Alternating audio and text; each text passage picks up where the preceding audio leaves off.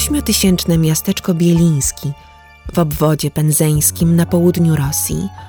Tu wszyscy wiedzą o sobie wszystko, a zarazem niespecjalnie obchodzi ich los innych. Tu też od 2009 roku w ciągu trzech lat zaginęły 24 osoby.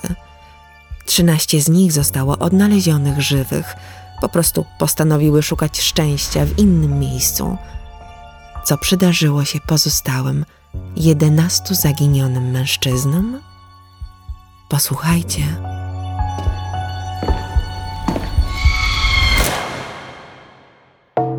W nocy z 21 na 22 stycznia 2012 roku Aleksander Władimirowicz Byczkow po wybiciu okna włamał się do sklepu Wszystko dla domu. Ukradł pieniądze z kasy oraz trzy noże o łącznej wartości około 10 tysięcy rubli. Złodziej z fantami poszedł do baru, gdzie bardzo szybko zasnął. Muszę wam wspomnieć, że zanim wdarł się do sklepu, już był pijany. 23-latek pokłócił się w domu z matką, podniósł nawet rękę na swojego niepełnosprawnego młodszego brata. W barze pijanego Saszę odnalazła policja. Nie był w stanie nigdzie uciec. Podczas przesłuchania Byczkow z własnej, nieprzymuszonej woli zdradził, że zamordował sześciu ludzi. Twierdził, że ich zwłoki zakopywał w wąwozie za domem przy ulicy Lermontowskiej – na obrzeżach miasta. Zaskoczeni wyznaniem policjanci przeprowadzili rewizję w domu Saszy. Rzeczywiście odnaleźli ludzkie szczątki w piwnicy i w pobliskim wąwozie na wysypisku. Ofiary, bezdomni i miejscowi pijacy, zginęły od ciosów zadanych kuchennym nożem i młotkiem. W zwłokach brakowało części organów. Byczkow usuwał zabitym serca i wątroby, które smażył, zjadał i popijał wódką.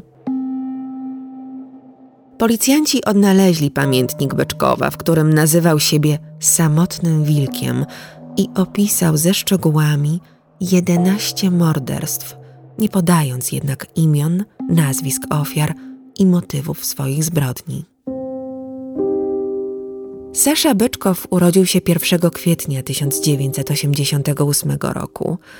Nie miał idealnego domu rodzinnego. Ojciec Władimir, były operator kombajnu i alkoholik, powiesił się w wieku 40 lat. Ludzie gadali, że to przez niewierność żony Iriny i wiele w tym było prawdy. Od tamtej chwili Saszę i jego młodszego dwa lata brata Siergieja wychowywała tylko matka, również alkoholiczka. Chłopcy od wczesnych lat zmuszani byli do zarabiania na wódkę dla niej, na przykład pracując w ogrodach u sąsiadów, zbierając złom czy dokonując drobnych kradzieży w sklepach. Kobieta biła chłopców kablem, jeśli nic nie upolowali. Sama zabawiała się z różnymi mężczyznami, gdy synowie pracowali albo zostawali w domu z niewidomą babcią.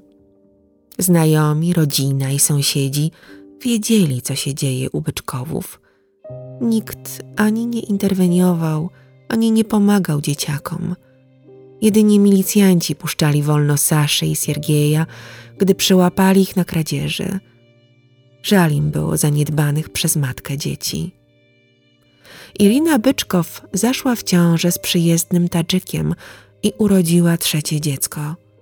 Nowy partner uciekł tam, skąd przybył. Wychowaniem małego Rusłana zajął się najstarszy Sasza, który miał ambicje wyrwać się z biedy i zapewne także z rodzinnego miasta.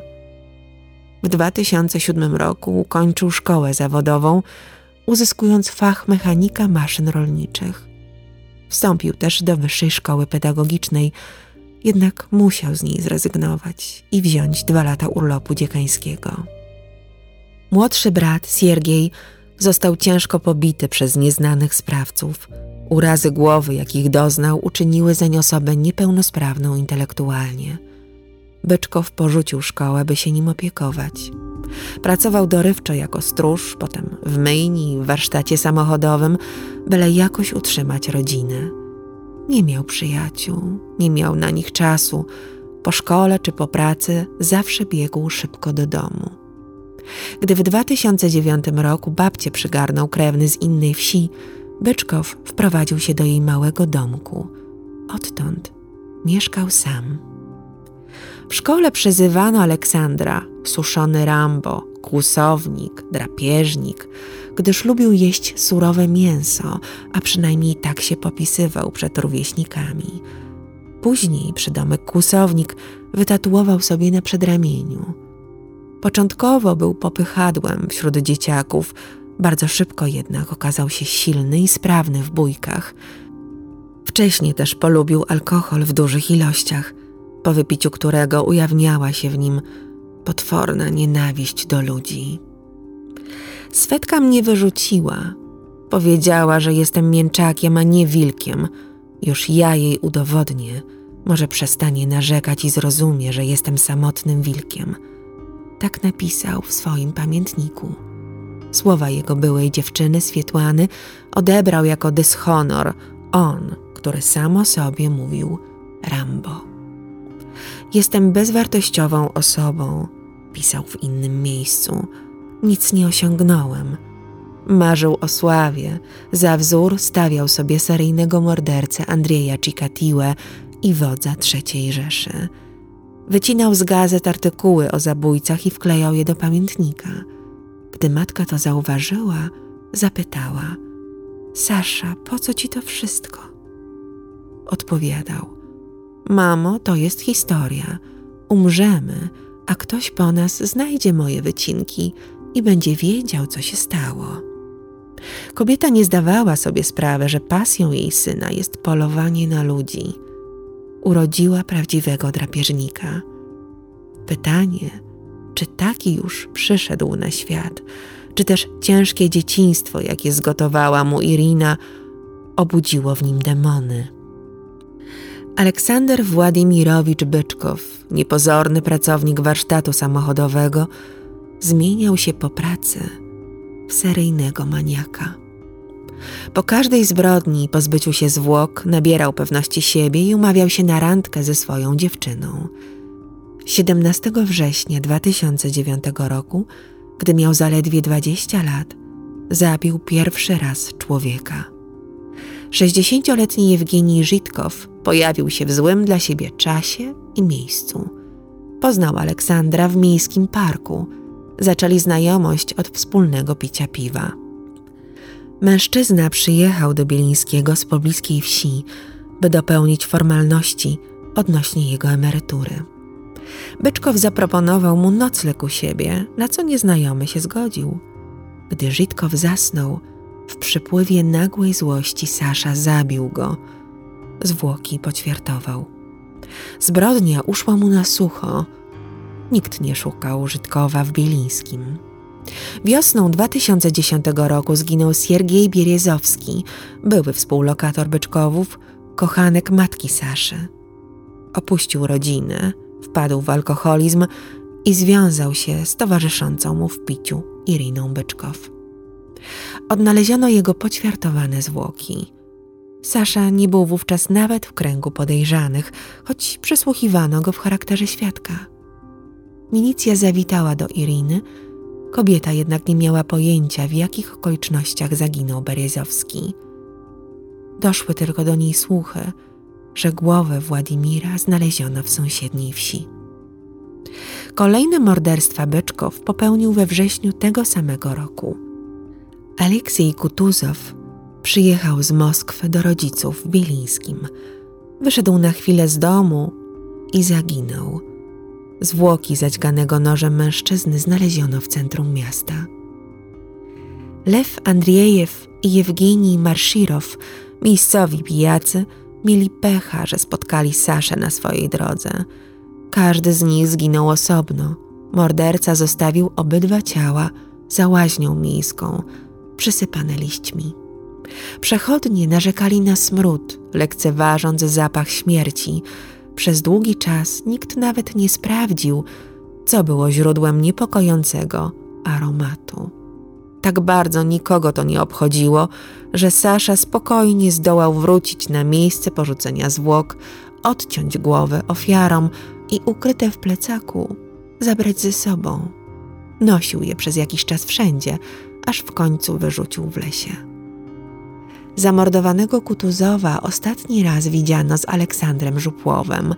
Żuplik, jak na niego wołano, miał drugą grupę inwalidzką, był miejscowym dziwakiem, człowiekiem spokojnym i niewinnym, choć niezwykle silnym fizycznie.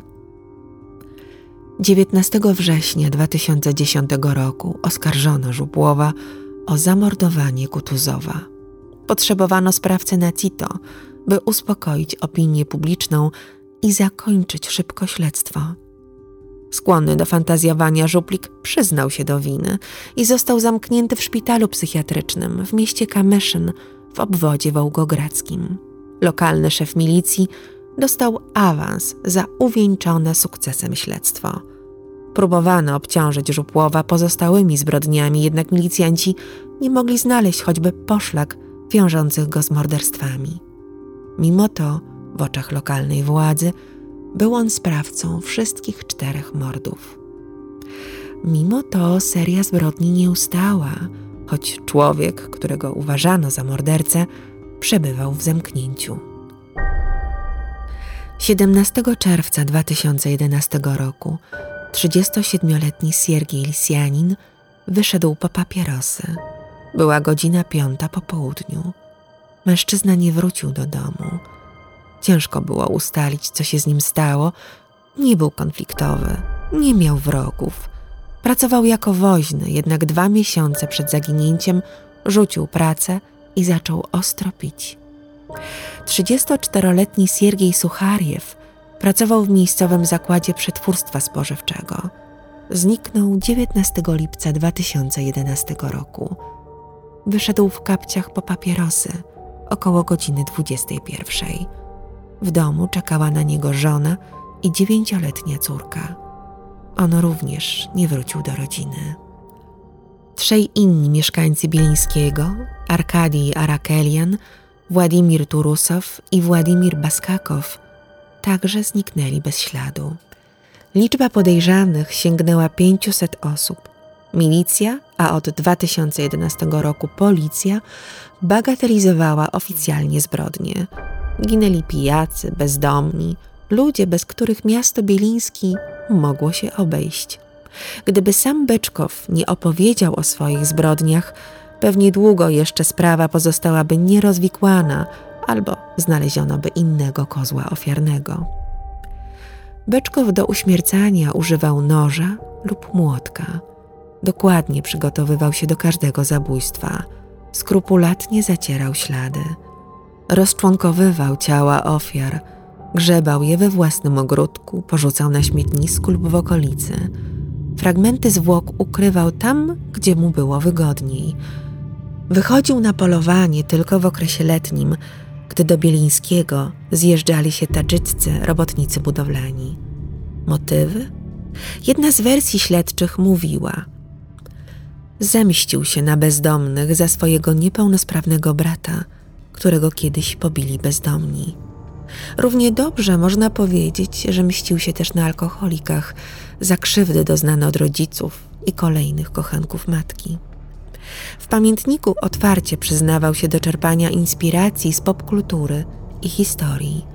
Wzorował się na rytuałach Majów i na Hannibalu Lekterze. Podczas wizji lokalnej, gdy opowiadał o tym, jak dokonywał zbrodni, robił to ze spokojem, nie unikał nieprzyjemnych szczegółów. Piliśmy z Wową w ogrodzie mojej babci, opowiadał z nieskrywaną przyjemnością. Kiedy zobaczyłem, że już się odcina, wyciągnąłem nóż z wewnętrznej kieszeni i uderzyłem go pod szczękę. Ósmego zabiłem na progu, wciągnąłem go do domu i wrzuciłem do piwnicy. Leżał tam przez dwa dni. Było gorąco, zaczął jęczeć, potem go wyciągnąłem, zawinąłem w koc, zaniosłem do ogrodu i wrzuciłem do śmietniska. Biegli lekarze psychiatrzy uznali go za poczytalnego. Przeprowadzone w sprawie karnej kompleksowe, sądowo-psychologiczne i psychiatryczne badanie wykazało, że Byczkow ma mieszane zaburzenie osobowości, co nie pozbawia go możliwości pociągnięcia do odpowiedzialności za swoje czyny. Biorąc pod uwagę wnioski z badania, Byczkow został uznany przez sąd za zdrowego, powiedziała dziennikarzom przed procesem Julia Makarowa, starsza asystentka prokuratora okręgowego. Po aresztowaniu Byczkowa ludzie w Bielińskim wyszli na ulicę, by wyrazić swoje niezadowolenie, że schwytanie sprawcy trwało tak długo, że wcześniej pociągnięto do odpowiedzialności niewinną osobę. W dodatku rozeszły się plotki, że brakujące narządy ofiar nie zostały zjedzone, a sprzedane przez Saszę. 22 marca 2013 roku Sąd Okręgowy w Penzie ogłosił wyrok. Oskarżony, niewysoki i szczupły chłopak, wyglądający jak nastolatek, siedział za kuloodporną szybą. Wysłuchał w spokoju orzeczenia sądu.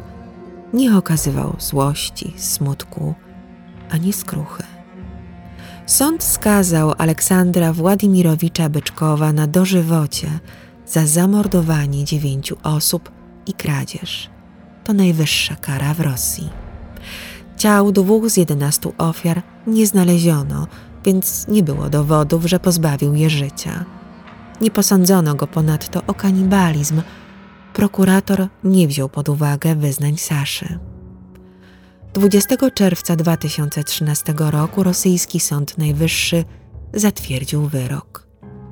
Byczkow przebywa w kolonii karnej reżimu specjalnego dla dożywotnich, jednej z siedmiu w Rosji.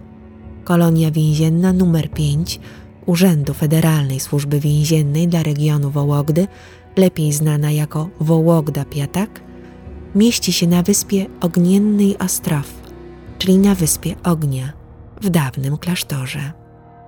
Od 1997 roku przebywają tam wyłącznie więźniowie z wyrokami dożywocia. Ci, którzy przed wprowadzeniem moratorium dostaliby karę śmierci. W zakładzie przebywa około 200 więźniów. Rosyjska prasa donosiła w ostatnich latach, przed wybuchem wojny, że Sasza podbił serce Krystyny War, młodej Amerykanki z Nevady. Listowna korespondencja wystarczyła, by rozpalić uczucie, zapewne po obu stronach.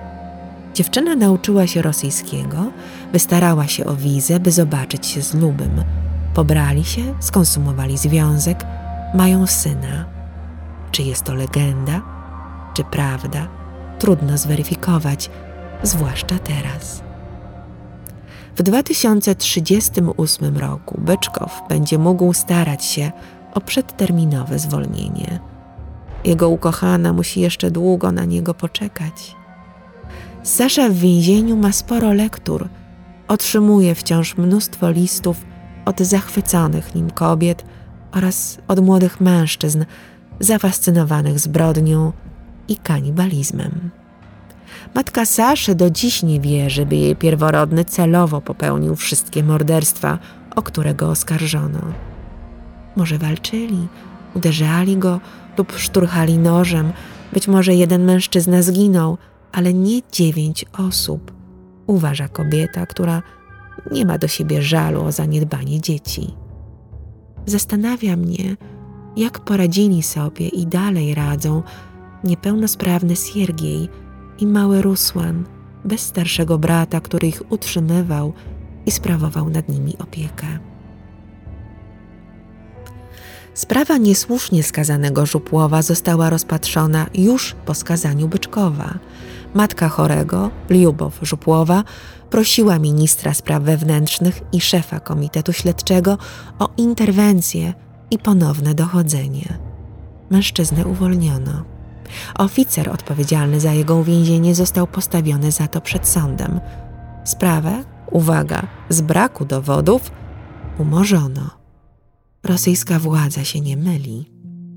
Dla porównania nie miał tyle szczęścia 25-letni Aleksander Krawczenko, który pasował na mordercę pierwszej ofiary Andrzeja Cikatiły, radzieckiego Kuby rozpruwacza.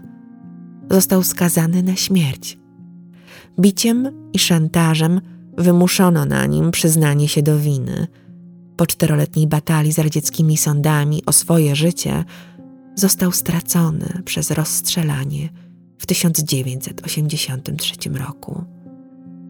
Był niewinny. Przypadki kanibalizmu są dość częste w dzisiejszej Rosji. Z różnych części tego ogromnego kraju docierają wieści o kolejnych mordercach, którzy nie tylko zabijali swoje ofiary, ale także zjadali ich ciała. Aleksander Spiesiwcew, czyli Sasza Rozpruwacz z Nowokuźniecka, zabił i zjadł wraz ze swym psem rasy Doberman co najmniej 19 młodych dziewczyn. W polowaniu na ofiary i gotowaniu ich ciał pomagała mu matka Ludmiła. Niektórzy szacują, że zamordował znacznie więcej osób. Niestety milicji nie było stać na szerzej zakrojone śledztwo. I tak uznano go za niepoczytalnego. Jego matkę skazano na dożywocie. Sasza Rozpruwacz od 1999 roku przebywa w szpitalu psychiatrycznym w Kamyszynie, tym samym, do którego niesłusznie wysłano żuplika. Natalia i Dmitrij Bakrzejewowie zostali złapani w 2017 roku. Policja oskarżyła ich tylko o morderstwo. Nikomu w Krasnodarze nie zależało na podsycaniu plotek o ich kanibalistycznych praktykach i sprzedawaniu ludzkiego mięsa na stołówkę Wyższej Szkoły Lotnictwa Wojskowego. Oboje zostali skazani na odsiadkę w kolonii karnej plus pobyt w standardowym więzieniu. Dmitrij zmarł, jego żona wciąż odbywa karę. Do aktów ludożerstwa dochodzi także w rosyjskich koloniach karnych, nie z głodu, lecz dla podkreślenia pozycji najokrutniejszych osadzonych. Pamiętajcie, że nie tylko w Rosji, ale w każdym zakątku świata możecie spotkać na swojej drodze ludożerce. Uważajcie na siebie.